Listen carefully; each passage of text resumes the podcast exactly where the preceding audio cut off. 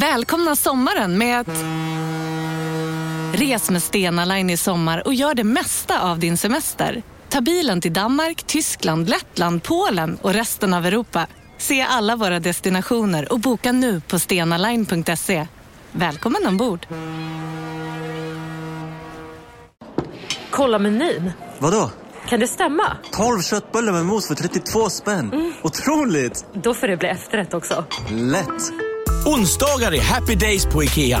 Fram till 31 maj äter du som är eller blir IKEA Family-medlem alla varmrätter till halva priset. Vi ses i restaurangen på IKEA. Hej! Är du en av dem som tycker om att dela saker med andra?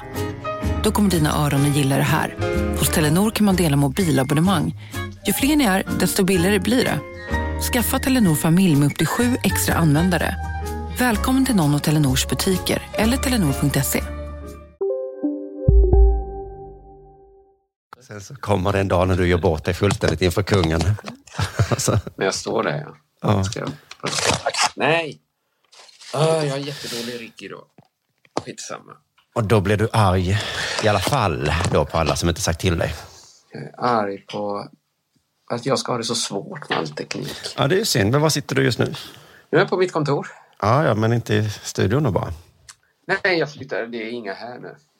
De två Gustavarna är borta. Idag, ja. De var här igår och lämnade av nästan ett helt bohag. Så jag Okej. lägger lite del av morgonen på att möblera. Men det tycker jag är roligt. Jo, jo. Det är kul, men det är inte en del av...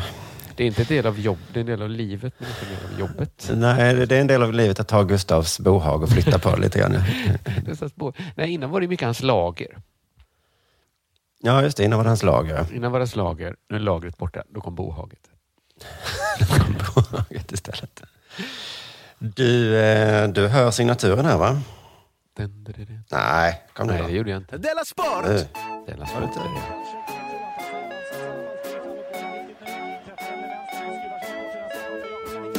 Du, du. Du lyssnar på Della Sport. Ja, hej och välkommen till Della Sport. Eh, 20 Knut kastas julen ut, men vem kastas ut den 21 Knut? Eh. Jo, det är jag, Chippen Svensson. Kastas och ut? du K. Svensson, ja, imorgon då, eller idag när det här släpps, då är det du och jag som kastas ut i Just det. I, poddapparna. Vad menar du? Ja, ja, okej. Nu fattar jag. Gud vad du kan om, uttrycka dig omständigt ibland. Omständigt, ja. Ibland när jag lyssnar på program tänker jag.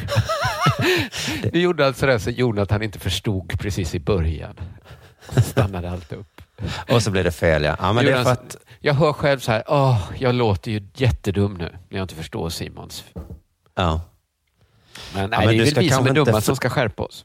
Ja, det är så att du måste inte alltid förstå kanske, nej. Utan du bara ska hänga med. Det hade varit snyggt. Det hade varit mycket snyggare. Du, eh, jag sitter här i Malmö, du sitter då på ditt kontor i Stockholm. Eh, Ja. med fina tavlor bakom dig. De har jag gjort själv. Ja, det är helt otroligt. Men du, har det hänt något sen sist?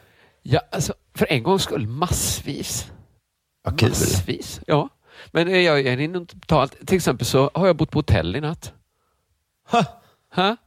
För att Anna har hyrt ut vår lägenhet till ett stort modehus.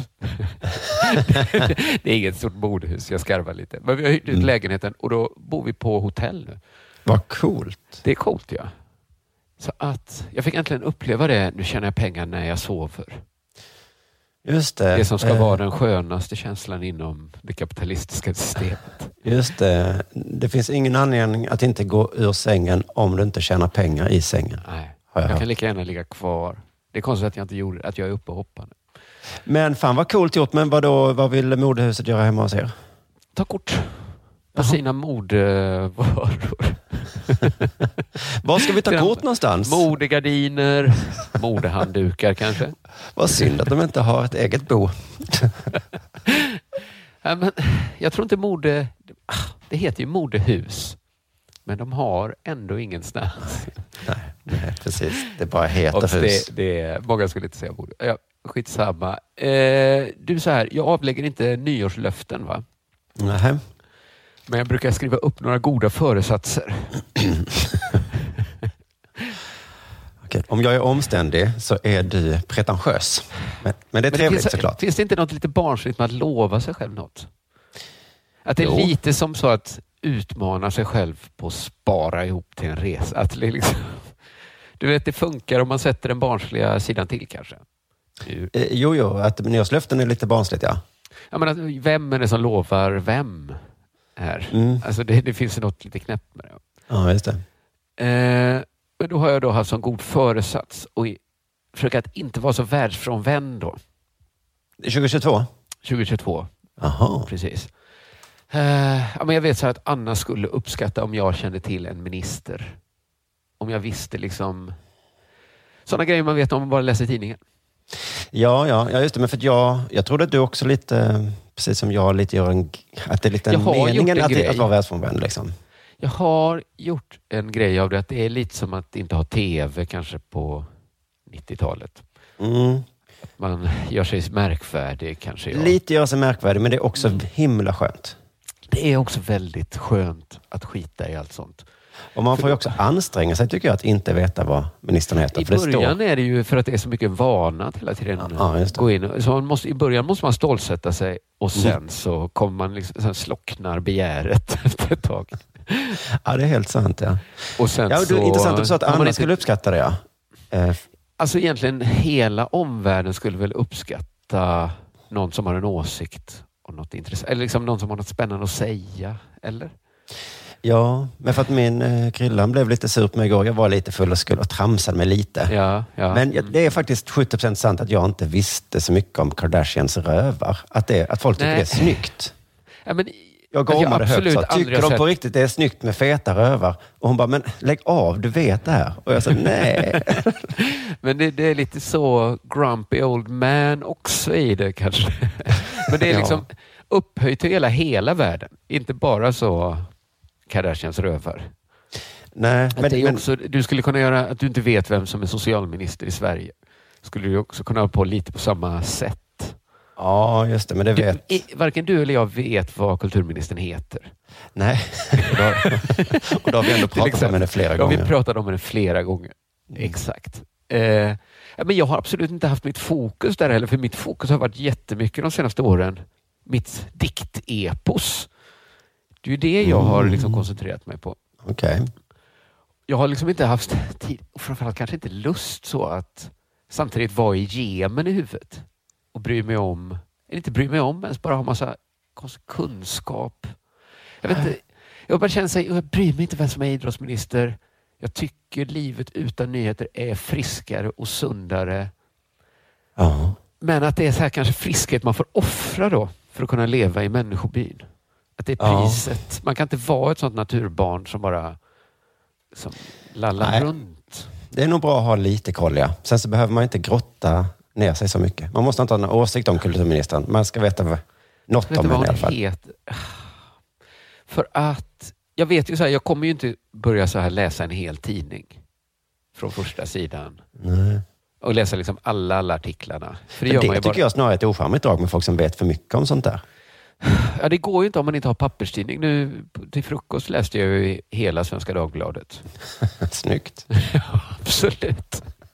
Men hemma vill jag, jag vill inte att de skickar ett ton papper varje vecka till mig. Så jag måste... Det, och, eh, alltså, så ser inte morgonen ut. När jag, nu åt jag frukost ensam på hotellet. Hemma. Ah. Jag kan inte sitta med sånt pingisbord till tidning. Men hur ska du göra då? För att, eh, ska du börja läsa tidningar i alla fall lite mer på telefonen Nej, så? men jag tänkte jag, jag ska börja lyssna på radio. Just det. Där finns det ju att på morgonen när jag kommit upp då, Mm. mediterat, så Mm. knäpper jag igång radion Ja. och liksom börjar fixa frukost, väcka barnen, allt sånt. Bara ha det i bakgrunden och så Mm. kanske något och, så hela, och jag är mycket med Moses. Bara Mm. radio, radio, radio hela tiden. Så något fastnar. Och till en början så var det helt underbart. För jag var hemma med Moses och det kom ett, ett jättebra släktforskningsprogram. Där en kvinna satt, hon satt på färd en story om en försvunnen släkting. Och bara hela gåtan vecklades upp. Jag var intrigued. Mm. Sen kom det någon intervju med den var det var ett riktigt psykigt och intressant personporträtt av en svensk skådespelare. Recenserar du nu radio? Detta var vad jag lyssnade. Det var hon nyligen avlidna Harr som hade gjort, som de sände. Hon Okej. var väldigt begåvad för att säga. Det var jättebra lyssning. Men jag kände också så här att det var inte så här det skulle bli. För jag vet fortfarande pyttelite om vad som händer i världen nu efter att ha Var det lyssnat. fel kanal eller fel Det tid? var eller ändå vad det- P1. Jag lyssnade på P1 Dokumentär om en Ja. fest som spårade ur på Fårö på 70-talet. Ja, ja, ja. Underhållande. Det, var- det var kul. ja. Men jag vet ingenting egentligen av det. liksom. det är liksom Aktuellt Rapport. Senaste coronarapporten har jag inte. Nej. Det var liksom först på eftermiddagen jag lyckades liksom pricka in en ekotsändning och fick höra det liksom ding ding dong. Mm. Och stå liksom, okej nu kommer det. Det andra var ju som att höra vilken trivsam podd som helst. Ju. Ja, En. Välarbetad podd. Men nu kommer då ekot-vignetten och sen följer liksom den deppigaste kvart jag hört i mitt liv. Ja, det är därför det inte går. Det är därför det inte går. Jag har varit utanför för länge. Alltså det börjar med coronaläget. Mm. Alla är förtvivlade. Kul, Alla är förtvivlade. De upprepar liksom som att viruset stod med pistol och hotar dem. Så här, ta vaccin. Ja, vi ska inte gå in i den, men det var liksom så. Det ser mörkt ut och det finns ingen anledning att tvivla på att det kommer bli mycket värre. Och man... Okej, ja okej. Det känns ju inte så, men... För jag Det var ju beroende av nyheterna fram tills eh, mars 2020. Då, det var då jag gjorde slut med nyheterna. Alltså, det, var för, det det, kan- gick inte längre. Det kanske låg, det, jag tror det slog mig extra starkt för att jag varit utan, jag kunde inte få en sån liksom gammal smackdos Nej. direkt efter att, att få. Sen kommer liksom klimatet. Jag har inte Ja, tänkt på klimatet visst. på ett halvår. Nej. Direkt i klimatet. Det ser illa ut. Ja, Ännu usch. fler mätningar har de gjort nu. Så nu är det bekräftat det de redan visste. Det blir varmare och det här extrema vädret vi sett, det är kopplat till det. En sån liksom riktig magsug bara. Perfekt. När vi hade varit där i eh, värmländska låtsasfjällen så sa vi så här. Fan vad kallt det har varit nu. Då, då är det nog bra med klimatet igen. Det Och i somras sig. var ju en sån skitsommar så det är nog bra med klimatet sa vi. Det är nog bra nu. Och sen så såg jag någon sån rubrik och så tänkte jag, titta inte på den. För den, nu sa Titta bort. Ta det. Sen kom ekonomin. är den också dålig? Nej, helt plötsligt chockade nog säger de så här. Det går jävligt bra för Sverige. Fort in med en människa som har panik som kan kommentera läget. Och han säger, så här kan det inte fortsätta. Det kommer vända. Vi kommer falla. Platt fall näsan först, ner i Just det. gruset. Och sen var det lite om de senaste lustmorden och sen var det slut. Man lämnades som liksom då numera ovan nyhetskonsument. Mm. Bara, alltså jag, jag har inte sett Rapport eller Aktuellt på 20-25 år. Har suttit och sett mig, kanske någon gång hem när man har sett på föräldrar eller svärföräldrar. Mm. Jag, aldrig, jag tror aldrig jag lyssnat på ett helt Ekot förr.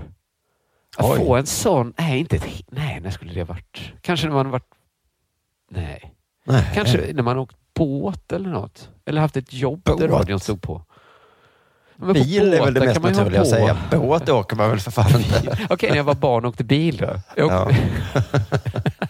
bil är lite vanligare än båt. Men jag tänkte att man, man liksom står på en radio som scrollar lite sommar, sommar. Ja, ja, nej, det, nej, Lite jag är, stranden då. Det är man- intressant. Ja, för mig är det så himla naturligt med radio då kommer ju nyheterna med där. Liksom. Jag har utstrålningen att det är vanligt med radio för mig, men eh, det har aldrig varit en, inte ens när jag var musikintresserad och P3 var en ansedd källa till ny musik. Nej, inte ens Inte då. då lyssnade jag. Men gud vad sjukt, det säger de inte någonting om. Nej, att eh, man måste vänja sig vid nyheterna. Man måste säga, jag borde läst, så här, börjat med Barnjournalen först kanske. Ja, för alla vet ju att det är bara negativa saker på nyheterna. Det säger ju Ja, alla. man behöver inte men, vara en sån, varför hade du några glada nyheter? Nej, Ja. men att det är så... Det är slag i magen nästan, jag kan Det är man mig. inte van. Mm. Och man är inte van vid att liksom få det mm, tydligt heller att det är verkligen priset för att få vara i människobyn. Att man hela tiden måste ladda sig med negativa uppgifter. Man måste gå runt och vara Mm. Alltså en dummerjöns är ju inte rädd. Nej, just det. Jag läser sagan om Dummerjöns för min dotter nu. Det är min favorit. H.C. det fanns Andersen. en karaktär. Jag tror bara Ja, det är en H.C. det. Andersen sa, nej, men det fanns nog uttrycket innan han. Jag tror han Mm. kom inte på Dummerjöns. Så när Schyffert liksom hade uppmaningen var inte rädda så borde han liksom ha sagt så här, läs Var inte nyheterna. dummerjöns Ja. kan man ju säga i så fall. Du håller inte på och läs, nej. Läs inte. Inte så att tolka nyheterna på mitt sa. sätt, utan bara Dummerjöns. Nej men... att vi kan inte vara... Men den är jättebra den sagan, för Mm. du Dummerjöns vinner liksom för att han inte är... De andra som ska fria blir så nervösa. Så de kan inte vara så här smarta och roliga. Men Dummerjöns är liksom inte rädd, så han kan vara, han kan vara kul och verka smart.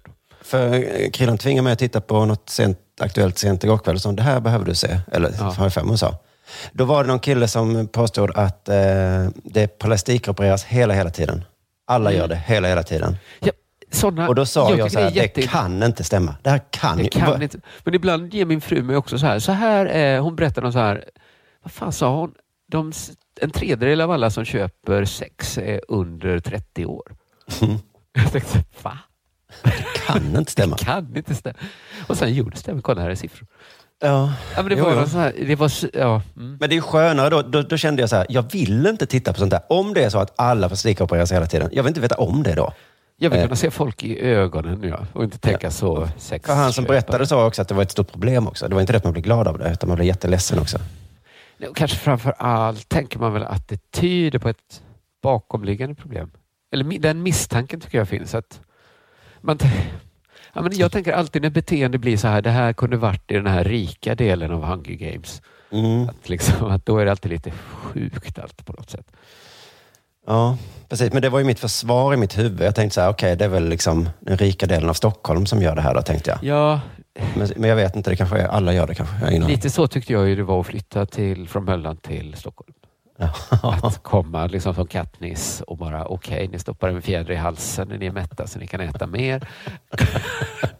Jag ser näsa är ful, ni gör om den. Oj. Okej, du betalar. Okej, ja, okej. Men det finns ju massa sånt eh, i hela Sverige då, gissar jag. Det sprider sig. Det, Det sprider gör ju sig. det, ja. Det är ju det det gör. Men inte i Hunger Games, där lyckades de behålla Där det bara. lyckades de för att de andra höll så himla fattiga att de, de hade också det finaste de kunde få. Tyvärr var det säckväv. Ja, men det positiva där var att de slapp mm, stoppa fjädrar i halsen och sånt. Och Ja, de hade äckligt. inte så mycket mat eller fjädrar tror jag. Nej. Ja, men så det är det som har hänt då att min nyhetskonsumtion har drastiskt ökat för att sjunka då. Lite, gick lite tillbaks när jag läste nyheterna nu i morse, men det var också en, en hink iskallt grisvatten hälld över sig i arla morgonstund. Det tycker jag. Det är så dumt att tidningen kom på morgonen. Ja. Man är Alltså- inte redo. Jag läser gärna ett kapitel i någon skönlitterär bok eller liksom en så här mjuk... Om jag skulle liksom ha tid att sitta. Nu är det ju mest att stå och, liksom skrika på mina barn på morgonen. Mm. Och liksom, ja, hela den biten. Men, så det, inte, kom inte på frågan att jag skulle sitta och läsa Svenska Dagbladet varje morgon. Nej, men eh, fan det är konstigt. Man är ju inte riktigt beredd då. Men har man den skyldigheten att vara... Ja, man kanske har det då. Men jag tycker du är så himla lärd på andra sätt. Du kan ju massa författare och, och sånt. Så att Ja, du men- kan hålla konversationer igång utan att veta att, att räntan är upp eller ner. Nej, jag kan prata om andra grejer. Ja. Ja. Men jag kan ju inte så här orientera mig lika bra i samhället. Jag står ju och faller med att min fru håller koll. Jag får ju inte Ja. veta om Ryssland har invaderat oss och vi kanske måste fly. Nej, just det. Du Men jag- är väldigt beroende av henne. Man kan säga att, jag, att, att vara en dummejöns är lite... eh, o- vad ska man Det säga? är lite så Jonathan har betett sig i Della Sport i perioden. Det är lite oansvarsfullt. Håll truten dumma Jöns. Ja, men alla kan ju inte bara rida in till prinsessan med en kråka och en träsko och fickan full med lera. Nej, det går. alla kan inte göra det. Nej, det är faktiskt så. Tur att jag hann in och var en av dem som fick det. Nej, men precis, du är ju en dum Jöns på bekostnad av någon. Det är det som din Ja. föresats här, eh, du har kommit på. Det, så är det ju. Men alla är ju allt på bekostnad av någon. Du är ju inte polis och vaktstyrka. Tack vare att någon annan gör den Mm. uppgiften. Jo, jo, jo. Du är inte kock varje dag. Nej, jag Det är på bygger någon inga... annans bekostnad. Jag bygger inga mobiltelefoner för det. Nej. Du gräver ingen kobolt. Nej. Du flyger inte ens till rymden. Det får någon annan göra. Jag flyger faktiskt inga turister till Mallorca. Nej. Men du startade under produktion. Mm, det gjorde jag. Och om Och- du frågar mig vad som hänt sen sist så... Ja, det är eh, det jag vill veta. Ja, så ehm, har jag ju... eh, eh, den här veckan är intressant. Jag tror att denna vecka två är då folk jobbar som allra, allra mest. Ja, just det. det Kanske det lite kan stämma. undantag detta året för att folk verkar vara så sjuka. Mm. Men folk är ändå sugna på att komma igång. Jag tror han jobbar som hemma. Det är nu de har liksom hemmakontoret funkar. Ja, men för jag har känt så också att eh, gud, vad, det är sån himla lagom ledighet, eh, julledigheten. Sommaren är lite för lång då, för då är man inte alls sugen på att jobba alls ändå. Men nu Nej, är, är folk... Här, det, Man håller ihop. Man klarar att hålla av sin familj plus liksom väldigt mycket närhet. På sommaren Mm. kan man inte vara, liksom, man kan inte liksom vara helt, hela gänget hela tiden, för det är för långt. ja, För, barnen, för barnen har så långt sommarlov. Ja, just det. Precis, att det är liksom, eh, så, så jag har jobbat ganska mycket. Ehm, Ja. Också massa möten med folk då som, som säger så här, nu, ska vi, nu sätter vi igång. Du bjuder in mig på möten hela tiden.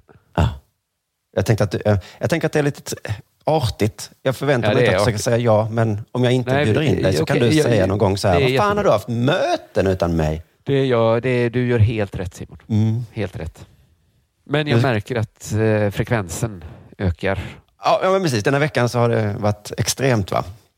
Man får nästan vara glad att det ställdes in det, vi- det vi skulle ha idag. För, att, Lite glad faktiskt. för det hade blivit så mycket annars. Ja.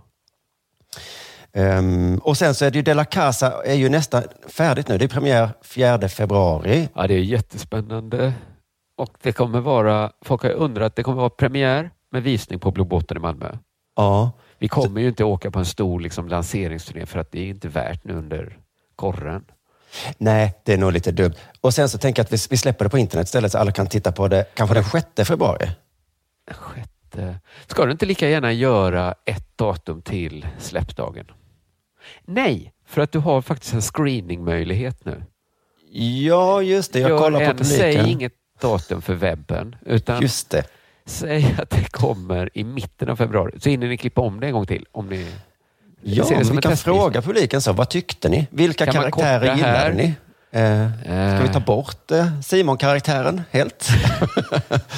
När Vad- allt. Vad tyckte ni om huset? Var det kul eller var det lite träigt kanske? Du sätter ihop en enkät Simon. Det är kanske det jag gör, ja. Jonathan säger att han ska vara moderator på det här eventet eh, på båten. Han ska intervjua mig, Joel och Olle då, som det är vi tre som har gjort. säger han. Intressant också. Det kanske ni spelar in och släpper som ett eh, avsnitt. Det kanske vi gör, ja. Det så det var roligt. ganska mycket för mig, men jag har ändå gillat det. Mycket, Ja. många poddar, mycket möten. Poddar. Och sen så, eh, Olle, eh, klipparen då, eh, och filmaren, han frågar mig hela tiden, så här, kan det vara så här? Och så Ja. har jag massa åsikter. Nej, jag sa, ah, bra, så här. Eh, gör så här. Jag, jag fick ju en chock. Du skickade tre avsnitt till mig. Jag såg Ja. att filerna hette så här eh, råklippning Ja, just det. och fick liksom, jag fick en olustkänsla. Ja. För att min erfarenhet är att en första råklippning, det sänker alltid självförtroendet ner genom golvet. Alltså, Ja. man, jag är så van vid att bara hjälp, vad har jag gjort? Kan vi gå ut och filma allt en gång till så jag får en ny chans? Ja. Hur tänkte jag? Och sen så klipper man sig liksom fram och sen börjar det liksom funka efter ett tag. Just det. Det är att man inte kan förstå, du kan bli sen. Nej. Ska jag liksom ta den här stora bollen av negativitet nu? Och så en kväll kände jag så att ja, men jag har bidragit så lite till det här projektet. Det, det minsta jag kan göra är att jag sätter mig och tittar på det och kommer lite konstruktiv. Ja. Och så stålsatte jag mig och tittade på det. Och så tyckte jag det var skitbra. Alltså det var så himla roligt och bra.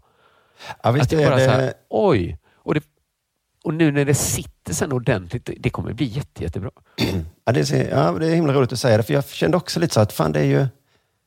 Fan vad Genant för mig, bitvis tyckte jag. Aha, att du pratar Eh. om det och så. Ja, jag framträder ju som en eh, så kallad Harry Lime genom serien. Eh, Alltså att, eh, det är en film där liksom han som, eh, som alla pratar om hela tiden är aldrig med Nej, nej, nej, just det. förrän långt in i filmen. Och då gör han en väldigt berömd entré som hänger på att de han har liksom varit borta så mycket. Mm. Eh, I alla fall, vad skulle jag komma? Ja, men, eh, men jag tyckte så här att genansen jag kände, kände Mm. jag så här. Jag kan leva med genansen för att jag tycker resultatet är så bra. Ja, just det. Nej, men det, det, det tänkte jag, men vi använder ju dig väldigt mycket som en person som man kan... Man säger ditt namn och sen skrattar man. Ungefär så. Ja, Man kan hålla upp det är, en det är gammal också något grej som är hemskt man... att höra andra prata så Ja, liksom spontant om en. Spontant rått om dig. Men det, det är för att Ja. det skulle bli kul då. Ja, det är ju- ja, Ja. eh, Men, men det- känns ju kul. Det är roligt med nytt år med mycket jobb. Vad glad jag är att jag inte är sjuk också. Jag är bara så himla glad att jag inte är sjuk. ja, det är härligt att man kan gå runt och vara tacksam för det lilla. Så. Jaha. Det Tänk, jag hade lika gärna kunnat vara sjuk. Exakt. Jag ska nämna det. Mm, förlåt. Nej. Jag ska nämna ett helt annat också. För att vi fick ett lustigt e-mail från Fredrik Donner. Har du läst det? Eh, nej. Det står så här. Hej Della Sport. Jag lyssnar på avsnitt 288 och svarar nu på er uppmaning att mejla om fyra år med en uppdatering kring läget som det är nu. Jag minns inte detta, men det låter ju som en sån man skickar en flaskpost till framtiden. Men också konstig för framtiden. nu. Ja, ja, det är flaskpost då. Ni snackade om kashmirdräkt och resor till Italien. Två saker som låter skitbra när man ligger covidsjuk i en framtida dystopi. Eh, Får man ett pris för att man hjälpte till? I så fall vill jag ha en kashmirdräkt. Men det tror jag inte du kan få Fredrik. Eh, Det tror jag. jag har ingen. Men ja, det här är mycket gåtfullt svarat väl? Jag, jag fattar Hade inte vad vi höll på med då. framtidsspaningar om att man kommer ha mer kashmirdräkter och detta var nog innan jag började på det. Jag tror det är dina resor till Italien vi pratar om. För Du reste så mycket till Italien på den tiden. Ah, skitsamma. Det, jag kände Skitsamma. det var Tack för ditt mejl. Mm. Ehm, ah, sen har det hänt två grejer till, men nu tycker jag vi har hållit på så länge. Nu här, är det väl dags. Ja, nu är det faktiskt verkligen dags här.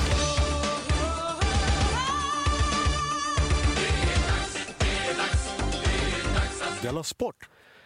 Eh, jag tycker inte man ska dalta med afrikaner. Hoppsan. ja. Tycker inte det.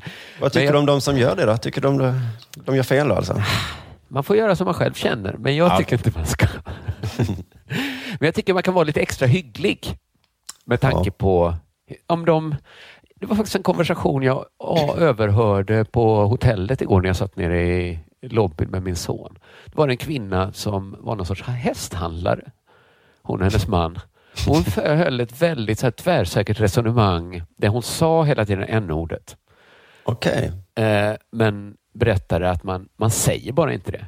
Man gör det bara inte. Det är varken rätt eller fel. Det är otrevligt att säga. Och så, så, alltså hon sa det tio gånger. Intressant att hon har den starka åsikten. Ja, hon hade den starka åsikten att det är ingen stor grej, men man gör det bara inte. Ja, man gör bara är, inte. Alltså, det handlar Ändå gjorde hon det då. man är bara lite extra hygglig då. Hon kunde Ja, kanske varit ännu lite extra, för att om afrikanerna inte ens att man vill att man säger det i den kontexten. Så Nej. kan man vara lite extra, extra hygglig då. Men hon var bara lite, lite hygglig. och man liksom... Och jag tycker det, det är lite... Den här liksom hyggligheten, ibland slår den över i, ett liksom, i något lite fult. Om man tar exempel som afrikansk fotboll. Så var det så när jag var liten att man, kanske Italien 90, Ja. att man liksom, hyggligheten var att man liksom älskade den. Exotifierade den. De var ja. så här lekfulla, kunde inte vi tänka hejade på Kamerun va? men de kunde ju inte tänka defensivt. Alla killarna sprang bara fram och ville göra mål. Det var liksom talet om afrikansk fotboll. Jaha. Och sen liksom korrigerades bilden.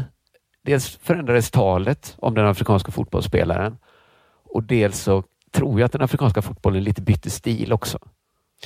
Men vadå, har vi inte bara slutat prata om den? Prata, sluta prata om den alls då, att det fanns inget att säga. Men Nej, det- men ett tag så var det som att nu kommer de och nu ska vi prata om dem hela tiden. Men sen så Ja. var det som att nu är det inte kul. Nu Det pratar är vi som att prata om... eh, eh, vi pratar inte så mycket om sydamerikansk fotboll när det inte är VM heller kanske.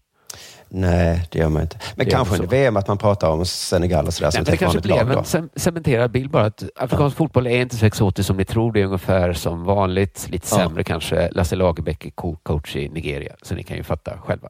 Ja, De precis. kan jobba hem. Ja. Men jag tror det hänger också en del på, även om det kanske är att vi slutar tala, men liksom hur vi talar om Afrika, afrikaner och afrikansk fotboll. Mm. Och det är där jag tycker att det är där vi kan hjälpa till att vara lite extra hyggliga. Liksom kanske tänka på valörer i språket. För jag läser då en artikel i Sportbladet. Jag kanske petar här, men jag tycker att det finns ett hyggligt val och ett ohyggligt. Det handlar om de eh, afrikanska mästerskapen i fotboll. Då. Ja. Rubriken är så här, bisarra scener. Domaren blåste av för tidigt två gånger. ja. Och då följer en bisarr uppräkning av vad som hänt. Men det kan väl hända i fotboll, inte bara Det kan väl hända. Ja. 85-06 in i gruppspelsmatchen vid ställningen 1-0 till Mali så fick Fifa-domaren Gianni Sikazve nog och blåste av matchen. Eh, Spelarna och ledarna trodde inte sina ögon och efter att ha påtalat misstaget för honom så kom spelet igång igen drygt en minut senare. Det är redan lite bisarrt att Ja. domaren inte har koll på klockan. Ja, verkligen. Jag tycker det var intressant att chansar. han beskrevs som Fifa-domare. För det har jag aldrig hört någon Ja, men annan det är gång. nog för att understryka att det här är ingen dussin. Det kommer Nej. mer sådana liksom, Ja, okej. små skohorn sen. Mm. Det var en total chock. Först undrade man ju vad han blåste av för. Tänkte att det var en frispark, men så pekade han mot omklädningsrummen. Vi fattade ingenting. Säger MFF-målvakten Ismael eh, Diawara som satt på bänken för Mali. Eh, 30 sekunder efter det visade domaren ut Malis El Bilal Torre. En situation som tog tid att granska av VAR, men domaren stod fast vid sitt beslut. Mhm. Så här får man ut, det verkar vara en galning då som visat ut, eller så har någonting hänt, det vet man inte. Eh, när klockan sen stod på 89.44 så valde Janni Sikasve, att, som dömde bland annat två VM-matcher 1918. Två, eh, nej, 2018. Så där var det andra skohornet, att det här är ingen dussin. Nej, just det. Att blåsa av matchen för full tid igen och den här gången återuppstod den aldrig. Nu vet man ju att det är en sinnessjuk människa. Väl? Ja, han mådde inte helt bra den här dagen. Gjort fel en gång och nu blåser han av 16 sekunder innan. Varför? Varför? Varför? Ja. Varför gör han så här? Den tunisiska bänken blev fullständigt rasande över beslutet och flera ledare sprang fram till domaren och påtalade hans misstag. Men trots det så stod han fast vid sitt beslut. nu är han bisarr. Ja. Ett beslut som framstår som ytterst märkligt då de flesta nog hade räknat med flera minuters tilläggstid efter en händelserik andra halvlek som innehöll två straffsparkar, nio byten och ett cooling break. Jo, om det inte var en negativ tid på cooling breaket då, så att säga. Att det var minus 16 sekunder. Men kaoset var inte över där. Nähä. Mitt under presskonferensen med Malis förbundskapten ska han fått beskedet att matchen ska återupptas. Detta med fjärdedomaren som huvudansvarig istället. Okej, nu är vi... Men det vägrade Tunisien vara med på det. Att gå ut och spela de sista 16 sekunderna. Vad stod det då? Ledde Mali med Det stod 1-0? 1-0 till Mali och då dömde de bara, okej, ni behöver inte spela 16. Mali vinner med 1-0, absolut. Och här vill jag säga så här, bisarra scener. Visst, Mm. det blev bisarra scener i Afrikanska mästerskapen. Framförallt en bisarr person, skulle jag säga. Ja. Alla andra reagerar helt rationellt. och de Okej. gör vad de kan för att lösa ett jättekonstigt problem som bara Mm. uppstått för dem. Vad bisarr du beter dig. Nej, helt rationell. Du skriker och garmar. De vet vad som kommer hända. MFF-målvakten Ismael Diawara satt på bänken för Mali då. Hur tycker du allting hanterades? Det är såklart katastrof. Det här får Afrikanska mästerskapen att se oseriöst ut. Aj. Man kan inte säga att det sköts bra. Det här måste utredas. Men det har skötts bra. Det har skötts precis så bra man kan sköta det. Vem hade kunnat veta att Fifa-domaren var galen? Och när det upptäcktes så löste man ändå. Alltså... Det, Ja, det är inte scenerna som är bisarra, det är en- Nej, en- det är en galen en domare. domare. Och jag förstår, jag säger inte att det är en felaktig nyhetsvärdering. Eller, jag säger bara att man kan också vara lite hygglig när de förstår direkt att det här ser illa ut. Bara släpp de klicken, var lite hyggliga. Säg rationella scener uppstod på ett bisarrt problem som drabbade afrikanska mästerskapen. Ja. Blixtsnabbt löste de det. Om det kommer en eh, revolutionär eh, grupp i Sydamerika någonstans. Då behöver man inte göra en grej. Då säger man Gör lite grej. Lite kanske som, vi gjorde ingen jättegrej av vovozelorna när VM äntligen kom till Afrika. Försökte in i det längsta bara, gör ingen grej, det förstör allt, men gör ingen grej. Ja, Hade de bara haft jävla bongotrummor alltså. Men nu var det... Kunde det inte. Det är inget, det, vi ser att det inte är traditionellt. Vi ser på det. Det är bara en tuta ni tagit fram till. Varför? Det här är en traditionell afrikansk tuta. Det, det finns, finns helt omöjligt. Plast. Du lyssnar på Della Sport.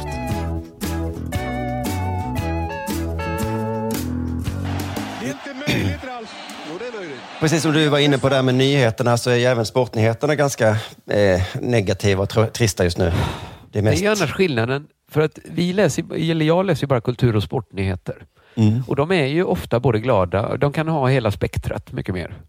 Ja, just det. Bästa bok jag läst. Sämsta finkampen någonsin. Ja. Men nu är det mycket med inställda matcher och sjuka Ja, spelare och sådär. Men då får jag tacka Frukostklubben och Sanna Ivarsson då för en nyhet som var, visserligen från i år, men händelsen eh, som den beskrevs var januari 2021. Okej. Eh, och nyheten kommer faktiskt från Dagens Juridik. Spännande va? Eh, för vi har ju, tror jag, vid ett par tillfällen pratat om då när idrott trillar över i Ja. juridikens Det är ju händer. det bästa egentligen. Ja. För vårt programs skull. Jag kan tänka mig att det kan bli uttjatat, men det är ju en, ett magiskt möte. va? Två Ja. världar som hela tiden går parallellt. De möts Ja, aldrig. som har sina egna, det är två system som inte riktigt passar ihop. Nej. Får man Och sen så- tacklas? Mm, ja och nej. Precis, och liksom, vardagen bara funkar jättebra tills de möts. Tills Då blir någon så här, tacklar någon på ICA. ja, de, det är, men det uppstår ibland lite humor då, eh, tycker jag. Det här handlar då om fotboll i Örebro. Eh, Eftersom sportnyheten kommer från Dagens Juridik så vet jag inte vilken division eller vilket lag. Eller vad de heter då. Eh, Parterna i målet är 29-åringen. Ett klassiskt. Klassiskt brottslingssätt att tala om människor. Ja, det andra namnet då är lite mindre klassiskt. Det är lagkamraten. Men det är också klassiskt att hitta på en sån. Det är ju jättebra påhittat tycker jag. Det låter 29-åringen och lagkamrat. Det är, Jo. Man, man kan nästan gissa att han också är 29 då. För att annars hade ju han fått heta 31-åringen. Eller? ja, men jag tycker media är ofta bra på de där namngivandet. När de, efter Jofis Palme-break då, att de Mm. genast hittade på, vi kommer kalla honom Ingenjören. Okej, ni tar det fria händer här, ja absolut. Ingenjören. Ja, det var inte Bara, ja, men det är jättefantasifull. bättre, det är snyggt, det är rent. Det... Ja. Saltmannen? Nej. Nej, Men är han inte pensionär? han är Jo. mot salt. Mot saltmannen. Nej, nej, nej, nej, nej. Lita på mig. Ingenjören. Pensionären? Det finns så många. I alla fall. I alla fall, det är 29-åringen och lagkamraten då. Eh, Ja. eh, lite kul att läsa en sportartikel, fast utan namn då. Eh, men eh, då får vi se ingressen då. Enligt hovrätten agerade en 29-årig man i nödvärn när han under en fotbollsträning utdelade ett knytnävsslag mot en lagkamrats ansikte. Oj. Ja, det är svårt Eh. att föreställa sig situationen där. Ja, precis. Det är fortfarande ingress. Men vi får veta att en 29-åring har slagit någon i ansikten med knuten näve. Men i Det där var för att uppmärksamma er på att McDonalds nu ger fina deals i sin app till alla som slänger sin takeaway förpackning på rätt ställe. Även om skräpet kommer från andra snabbmatsrestauranger som exempelvis Ma... Eller till exempel Burger... Bara på Storytel. En natt i maj 1973 blir en kvinna brutalt mördad på en mörk gångväg. Lyssna på första delen i min nya ljudserie. Hennes sista steg av mig, Denise Rubberg. Inspirerad av verkliga händelser. Bara på Storytel. Om en yogamatta är på väg till dig, som gör att du för första gången hittar ditt inre lugn och gör dig befordrad på jobbet men du tackar nej för du drivs inte längre av prestation. Då finns det flera smarta sätt att beställa hem din yogamatta på. Som till våra paketboxar till exempel. Hälsningar Postnord. Nödvärn? En gång då i nödvärn? Ja. Jag har svårt att föreställa mig hur ett knytnävsslag kan vara nödvärn. Inte i ansiktet. Alltså nödvärn tänker jag knuffa någon. Kan man göra Ja. i nödvärn. Så den trillar, Sparka trillar illa. Mm. Liksom, något som, nästan en spark som är med att bara stöter bort någon. Mm. Eh, Det kommer lite mer förklaring här. Det är utrett att slaget utdelades samtidigt som lagkamraten riktade dobbarna mot 29-åringens knä i närkamp. Han hade därför rätt att skydda sig med händerna.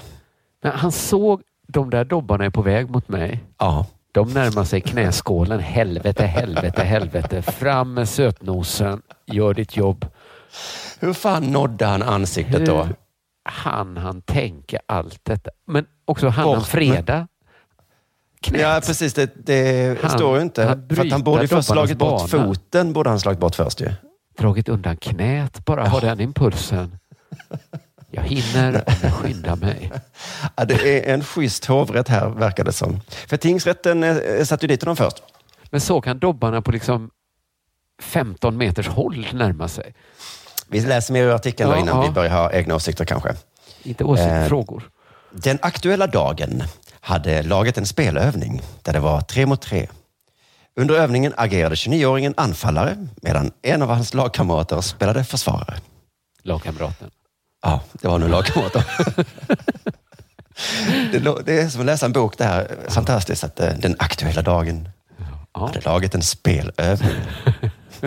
Det skulle de aldrig ha gjort. Inte just idag, nej. Det verkar vara, eh, de är tre i laget. Klassisk 2-1-uppställning där 29-åringen är anfallare då. De andra två är försvarare. Lite fegt uppställt skulle jag säga. Ja, det finns en modigare variant. Mm. Köra två anfallare och hoppas på att man gör fler mål bara. Ska nog köra en flygande målvakt, en på mitten och så en striker. Ja, en klassisk 1-1-1 helt enkelt. Ja. Mm. nu var ju inte vi var Jag vet inte Nej. Eh, vi ska se här. Det är lite viktigt ändå att eh, 29-åringen är anfallare. Ehm, och, och, och det här är intressant. Och lagkamraten är ju inte bara lagkamrat i samma lag, utan även i spelövningen är de då. Men i spelövningen är de... Okej, men då... Ja, okej. Mm. Det förändrar allt lite ändå. Ja, det gör de väldigt speciellt tycker jag. Eh, lagkamraten hade bollen, Mm. Var på 29-åringen tacklade honom och stal bollen. Ja. Det låter väldigt, väldigt konstigt tycker jag i en spelövning. När man är i samma lag, ja. Ja. För det är nästan när man så spelar två mål, att man kanske inte tacklas jättemycket. Inte ens motståndarna. Inte ens motståndarna. Nej. Och att man då... In, nej. Och tackla sin egen medspelare för att stjäla bollen. Det, Det är låter lite som en psyksjuk eh, person där. Att han har Återigen, ja. En bisarr person. en bisarr person. Ja. Bisarra scener i Örebro. Eller en som liksom inte tar övningen alls på allvar. Nej, Nej. Det känns som att han, de, han är arg på den här människan. Ja, det känns som det. Eh, lagkamraten reste sig upp, blev taggad, Mm. inom citationstecken, förstå. och sprang mot 29-åringen för att ta tillbaka bollen. Ah, och då signalerade med hela kroppen att han kommer gå med dobbarna först, rakt på knät. Jag tycker att spelövningen har eh, Nu, har, nu är det spelat ut sin roll lite grann. Det är inte en spelövning längre. Det är Nej, det det. är det inte. Och de andra fortsätter spela för att liksom passa på att utnyttja överläge. Nej. Det är Visa tränaren att man platsar i laget eh, till, till matchen och så. Men nu ser man det framför sig här. 29-åringen har alltså bollen, springer troligen mot motståndarnas mål med den. Mm. De tre spelarna han möter kanske ställer upp sig och säger så, här kommer du inte förbi. Nej. Eh, någon kanske stöter framåt, försöker attackera. Då kommer lagkamraten bakifrån. Han tänker, ja, spring i luckan, tänker han. Ja. ah, han fattade vinkeln. Men då hände det här. Därefter tacklade lagkamraten, 29-åringen, Ja. I samband med, alltså. eller precis efter tacklingen, riktade 29-åringen ett knytnävsslag mot ka- lagkamratens ansikte. Mm. Jag tycker inte det låter som nödvärn, jag tycker det låter som hämnd och jag tycker den är helt okej att utdela väl. Eh, vem sida är du på, 29-åringen eller lagkamraten? Ja, men om en hoppar med... Nej, vänta nu. En har gjort två fel, ja. Ja, 29-åringen började med en Ja. helt bisarr tackling mot sin egen medspelare. Jag tycker ändå att båda gör... Alltså, det kanske borde varit så här. Kapa den här eh, dobbarna först-tacklingen mot knät helt. Att han får en glidtackling. Han går och nitar han som har glidtacklat han. Mm. Ja, just det. Sen är det inget nödvärn, ingenting. Bara men nu är ni lika.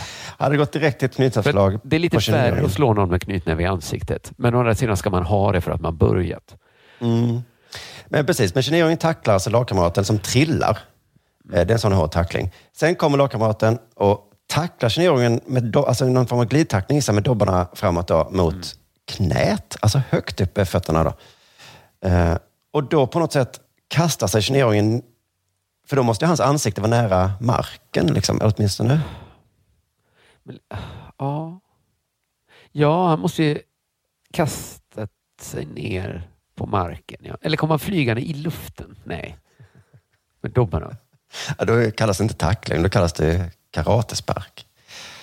Ja. Ja, Ehm, hur tog slaget då, eh, undrar man. Eh, lagkamraten orsakades bland annat svullnad och en blåtira runt det vänstra ögat samt frakturer på näs och kindbenet. Så rätt Och en rejält slag. rejäl smocka. en riktig kalanka smocka där. Ja. Oj då. Ja, eh, var det och då har ett det slag då, som gjorde allt detta. Men då kanske det verkligen var att han kom flygande i full karriär. Alltså liksom, Så att det var liksom kraft. Han måste nästan ha skadat handen också då. Lite kanske det var att han hoppade in i hans hand egentligen. Ja.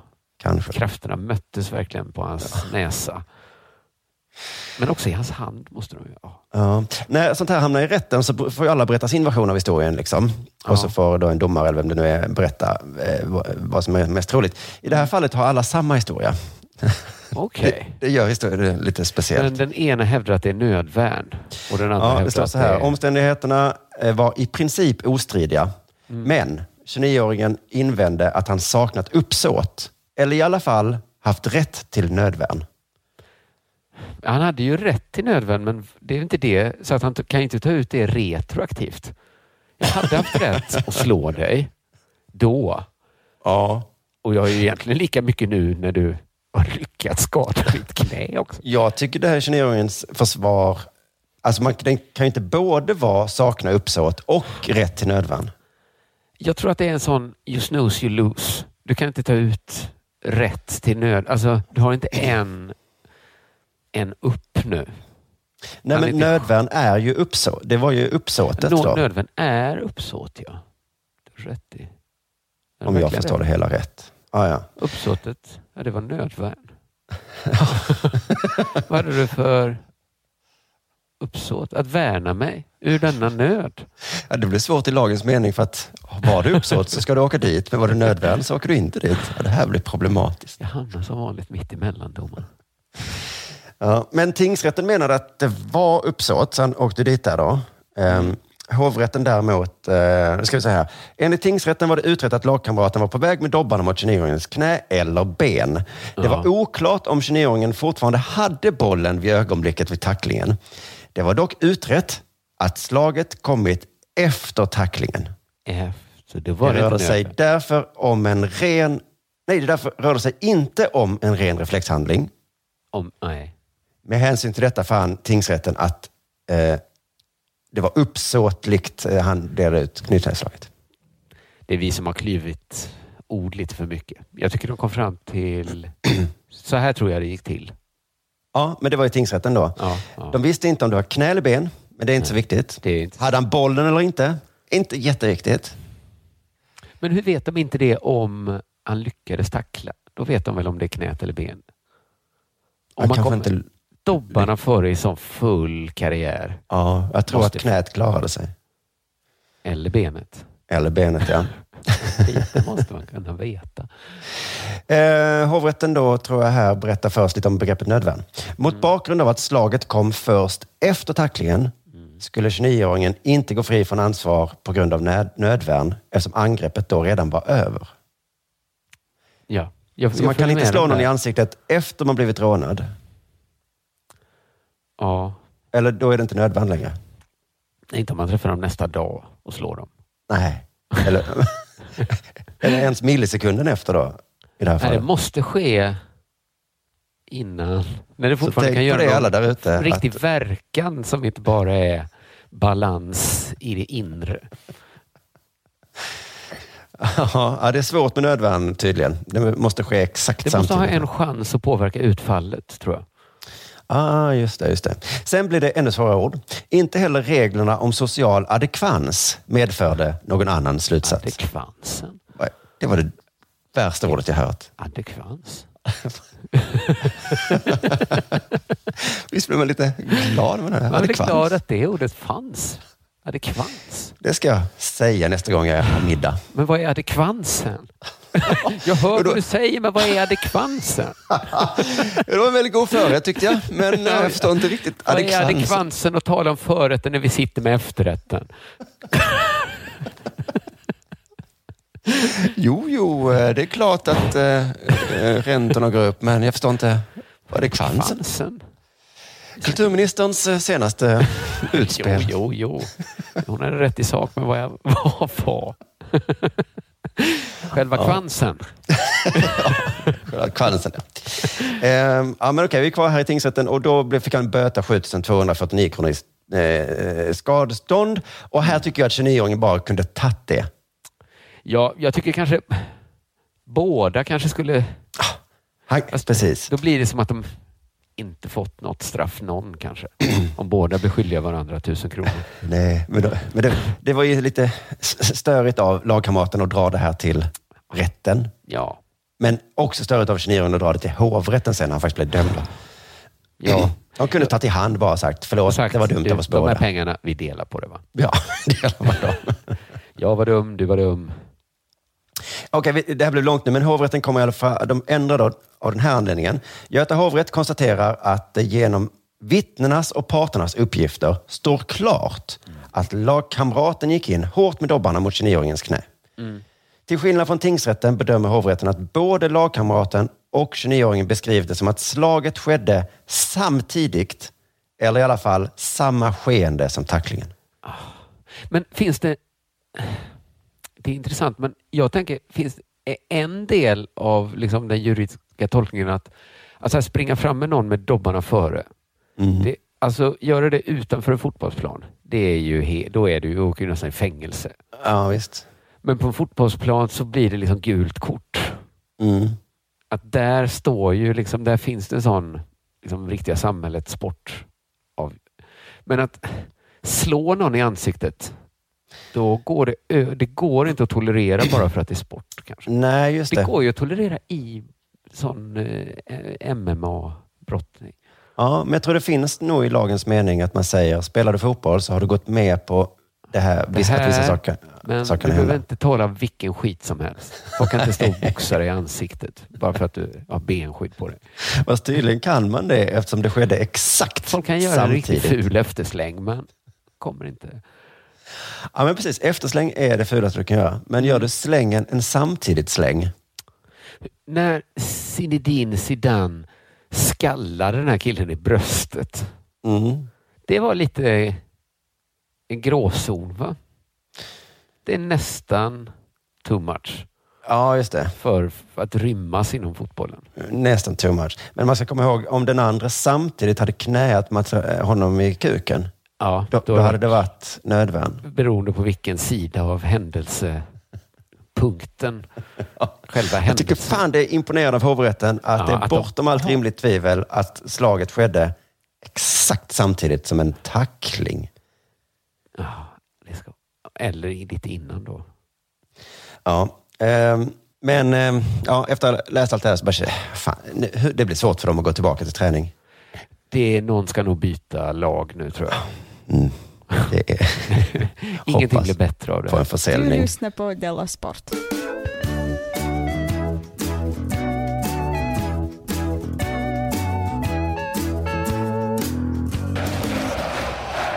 Jag tänker ibland på min ingifta italienska släkt. va? Mhm. Ja, det är häftigt. Det tycker jag också är häftigt. Eller framförallt var det väldigt roligt när man var liten och inte hade Mm. varit med om så, så, sånt så mycket. Min dotter har fått namn från den delen av släkten.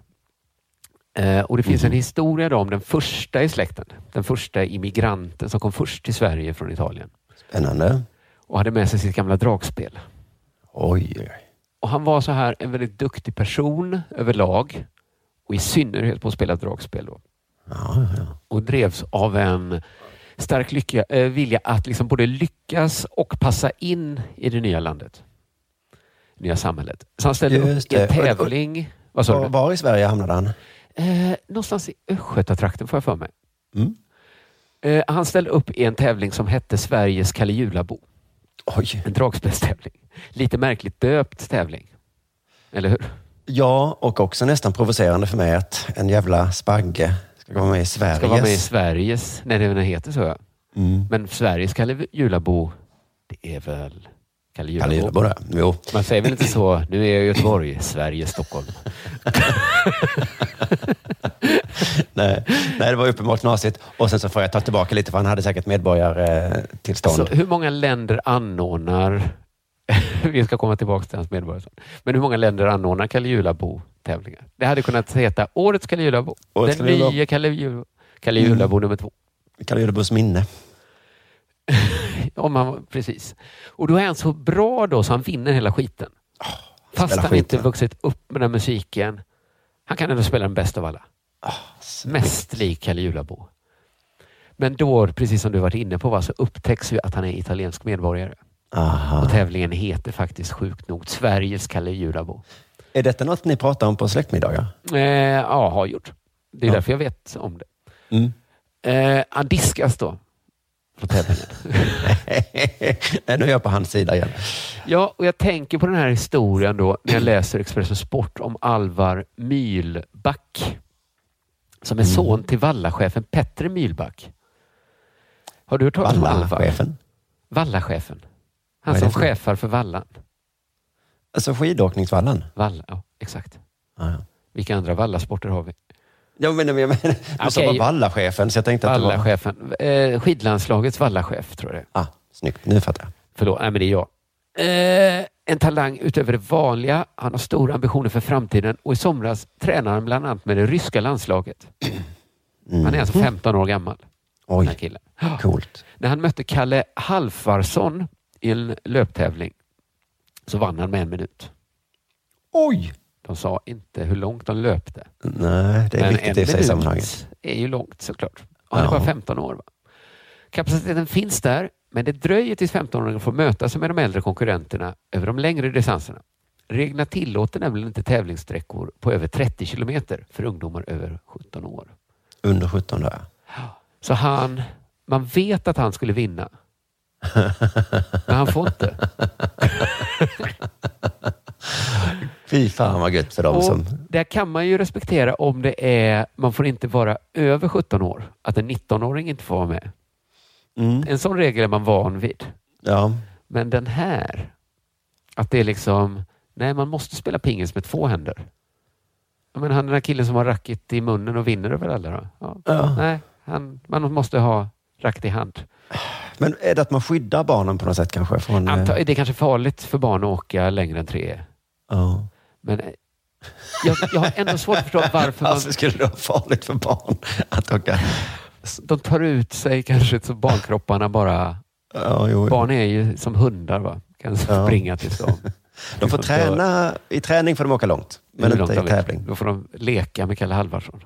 Mm. I Ryssland får de åka långt. Ja, Med ryska landslaget. Mm. Men då Alvar, va? han kuppade sig in och vann tävlingen. Nämen!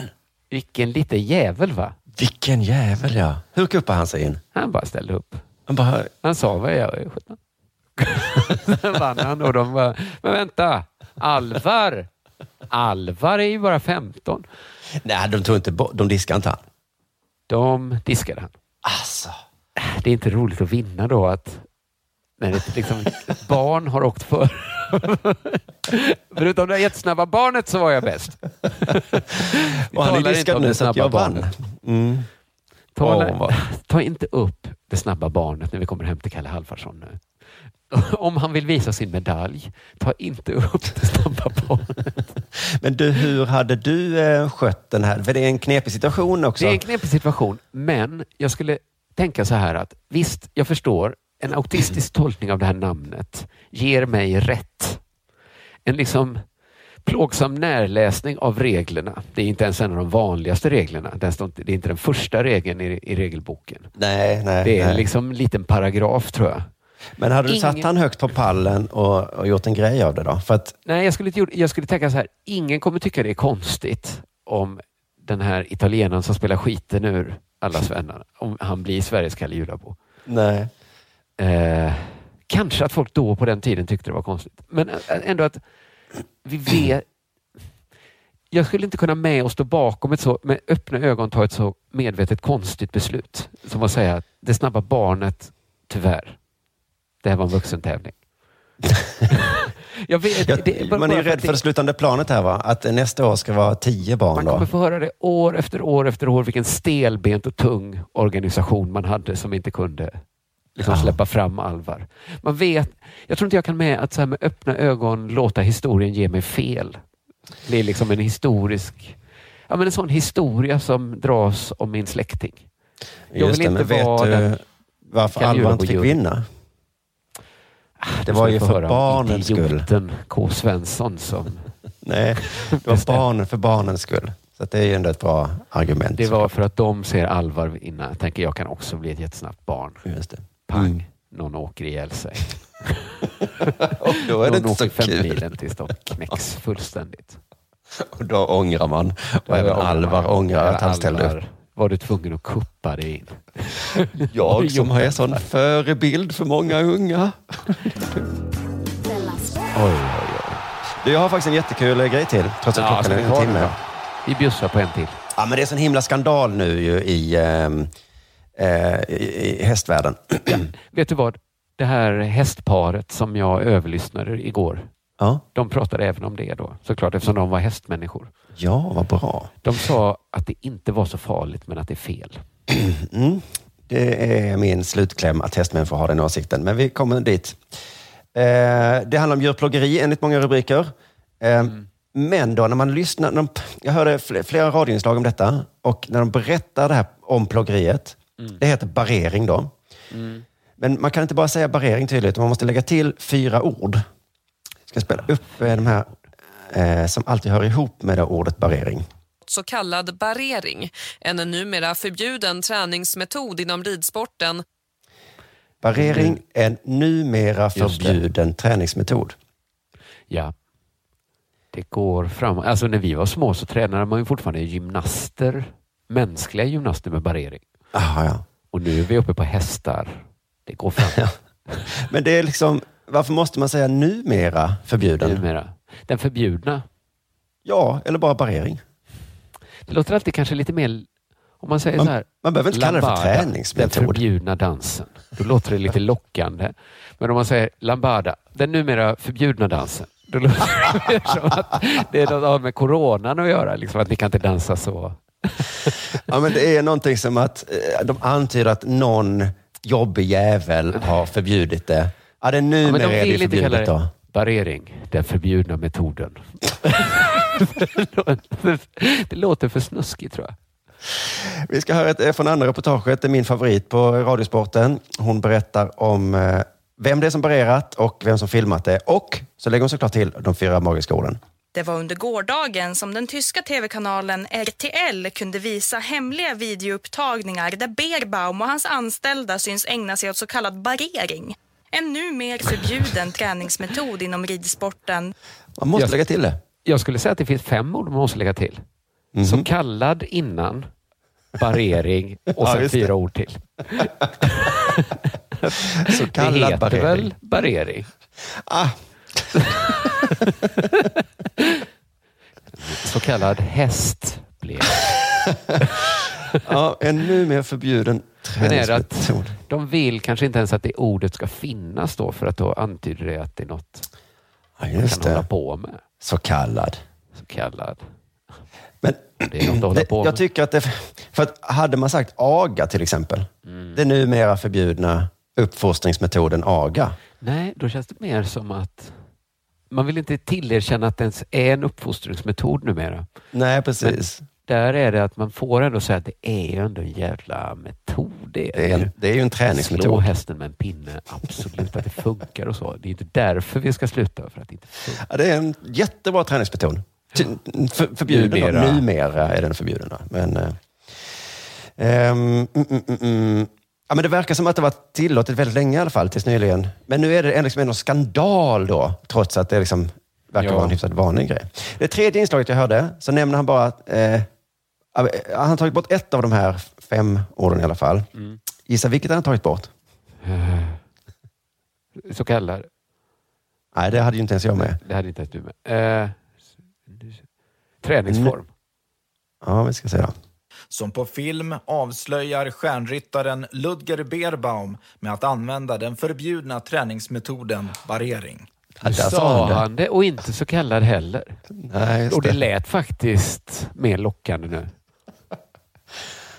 Förbjudna träningsformen barering. Ja, det är verkligen lambada-känsla över det här. Ska vi gå hem och ägna oss den, åt den förbjudna träningsformen barering? Som de katolisk, katoliska prästerna vill, för, vill förbjudna. Ja, nej, men då är det inte nu mer. För den här rapporten är det mer liksom är det standard att det är förbjudet. Liksom. Ja. Men, ehm, Den men visst, visst. kunskapen om hur man får en häst att hoppa högt. Hoppa högre. Folk är chockade, folk är arga. Folk eh, har hört, kan inte tro att den här Berbacher kan ha gjort detta. För han, eh, de vill inte tro det. Han är så snäll. Ja, han är så bra. Han har vunnit massa OS och grejer. Hur blev han så? Eh, det står så här i någon artikel. Eh, alltså de ska alltså kolla på filmerna en gång till. Det är någon som har tagit sig in där och wallraffat och så har de då skickat ut filmerna nu. Just det.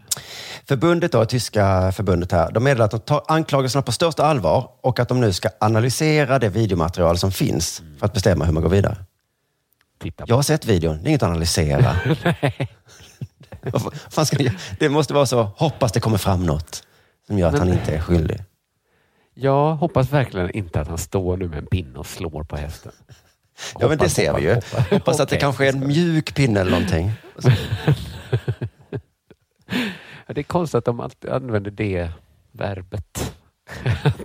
vi ska analysera videon. Vi ska, vi ska konsumera videon först. Analysera. Ja. Har du sett den senaste Har Marvel-filmen? du tagit in den i systemet? Ja. Mm. Ska se vad hjärnan spottar ut för analys. Men det är ju så att barrering kan vara en jävla massa olika grejer har jag läst till mig. Det kan Aha. vara det som slår då. Eh, men man kan också eh, stryka på bensin för att de ska bli ömma om de slår i. Det får man säkert heller inte göra. Nej, det får man inte heller göra. Eh, man kan sätta på en strumpa med spik i så de får skit när de får ont. Det är lite medeltida tycker jag. Visst låter det som det? Eller då bara daska till dem en bom och det är det Berbackare har gjort då. Eh, Han hade inte spikklubba i alla fall, utan det var en Nej, modern det finns- bom.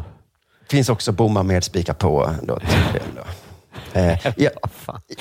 Hästmänniskor. Nu förstår jag inte riktigt varför de sa det är inte så farligt, men det är fel. Jag tycker de kunde också sagt bara det är fel. vem sa att det inte var så farligt? då? Hästfolket jag överhörde igår. Jaha, de sa ja. att ah, ja, men de var lite så här, det är jävligt onödigt Mm. att hålla på så här. Det, Men jag tror man hans- gör det inte. Det som syns på film här är tydligen en, en, det närmar sig den milda varianten i alla fall. Nej, okej. Ja, men det kanske, de kanske hade sett bilderna då. Ja. Till skillnad från mig. Dessutom är det så här, i Tyskland, inte i Sverige, men i Tyskland så tillåts en viss form av barrering. Det kallas touchering.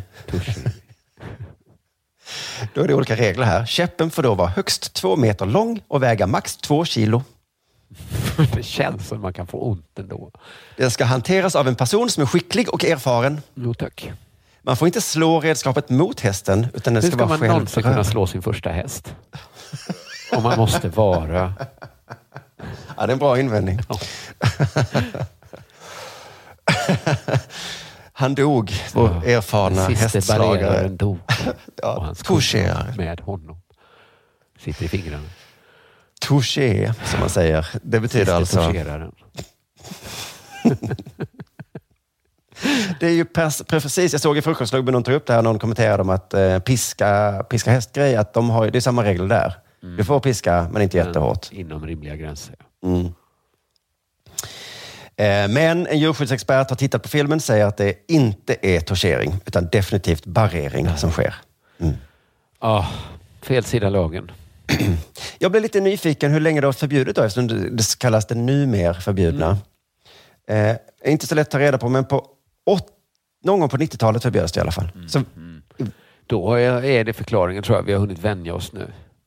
Att man slår inte hästar.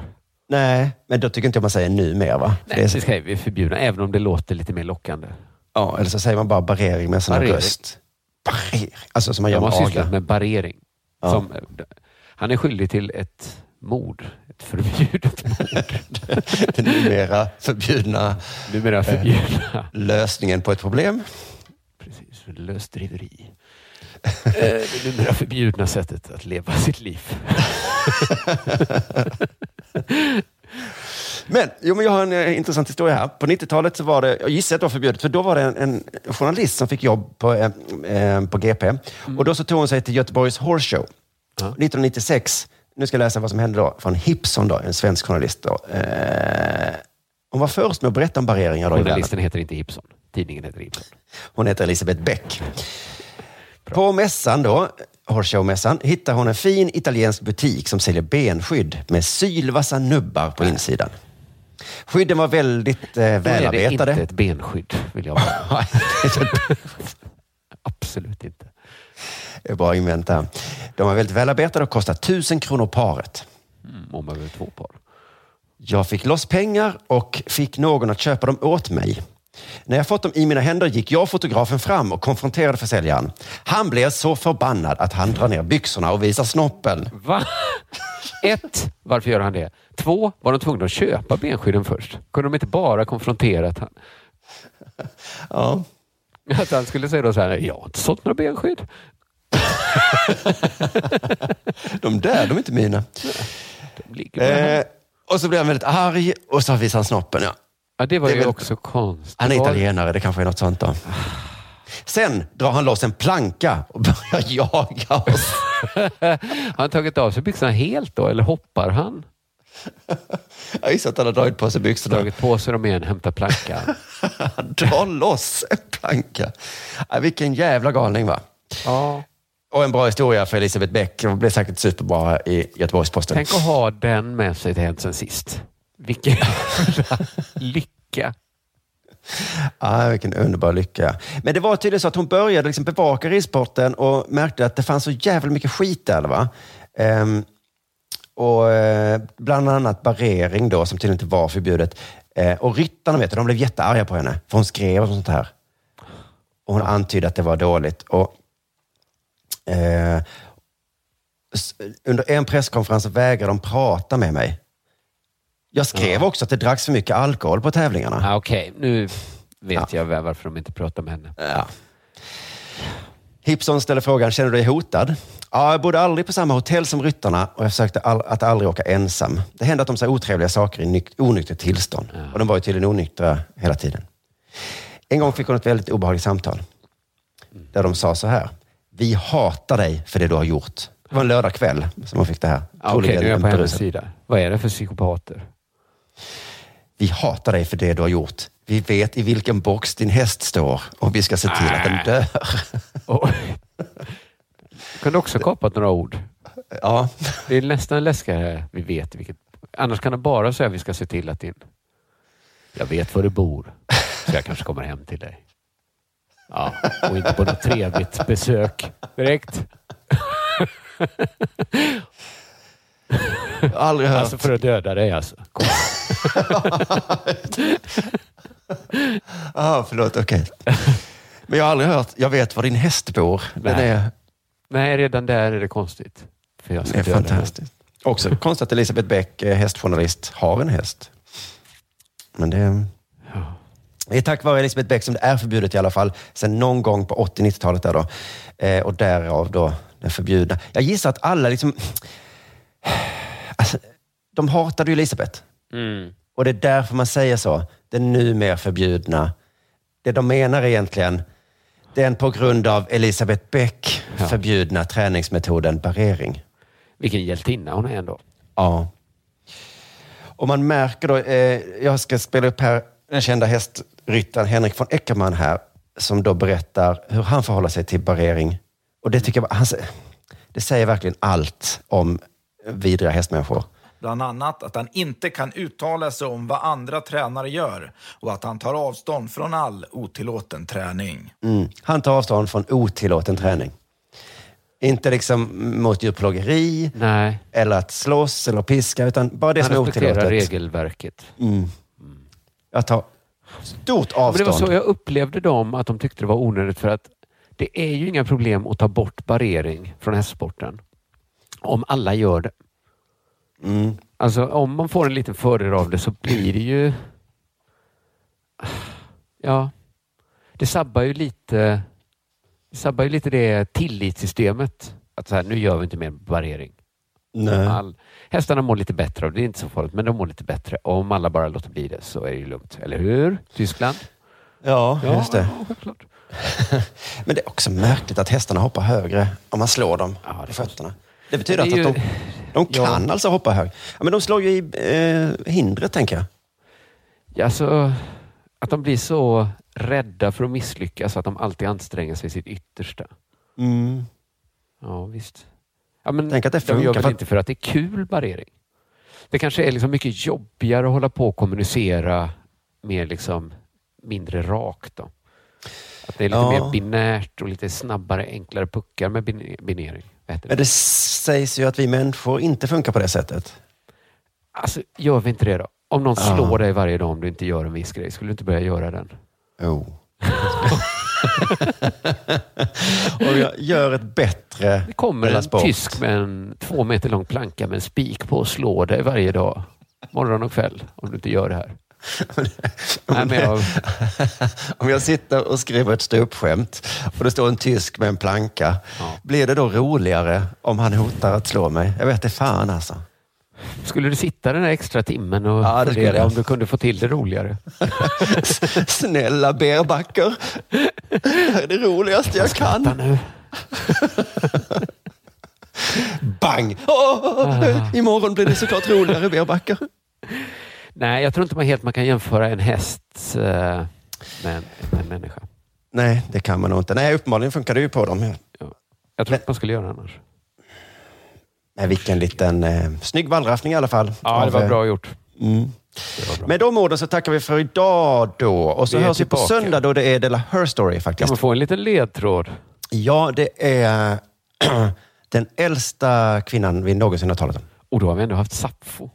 Som dog för längre sen. Ja, precis. Den som dog för längst sen. Oj, det är hon den runda stenen de hittat. Den runda stenen de hittat. Moder Jord. Ja, Gaia. Gaia. Kommer prata om Gaia. Gaia, ja. Hon lever fortfarande. Bra, då säger vi så va?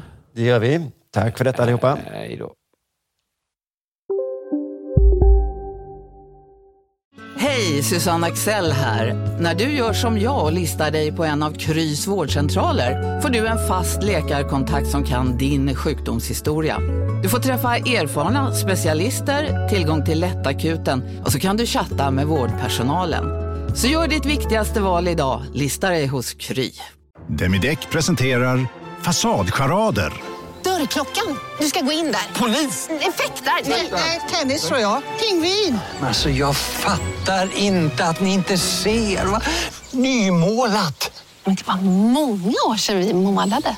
Demideckare målar gärna, men inte så ofta. Nej. Dåliga vibrationer är att gå utan byxor till jobbet. Bra vibrationer är när du inser att mobilen är i bröstfickan. Alla abonnemang för 20 kronor i månaden i fyra månader. Vimla! Mobiloperatören med bra vibrationer.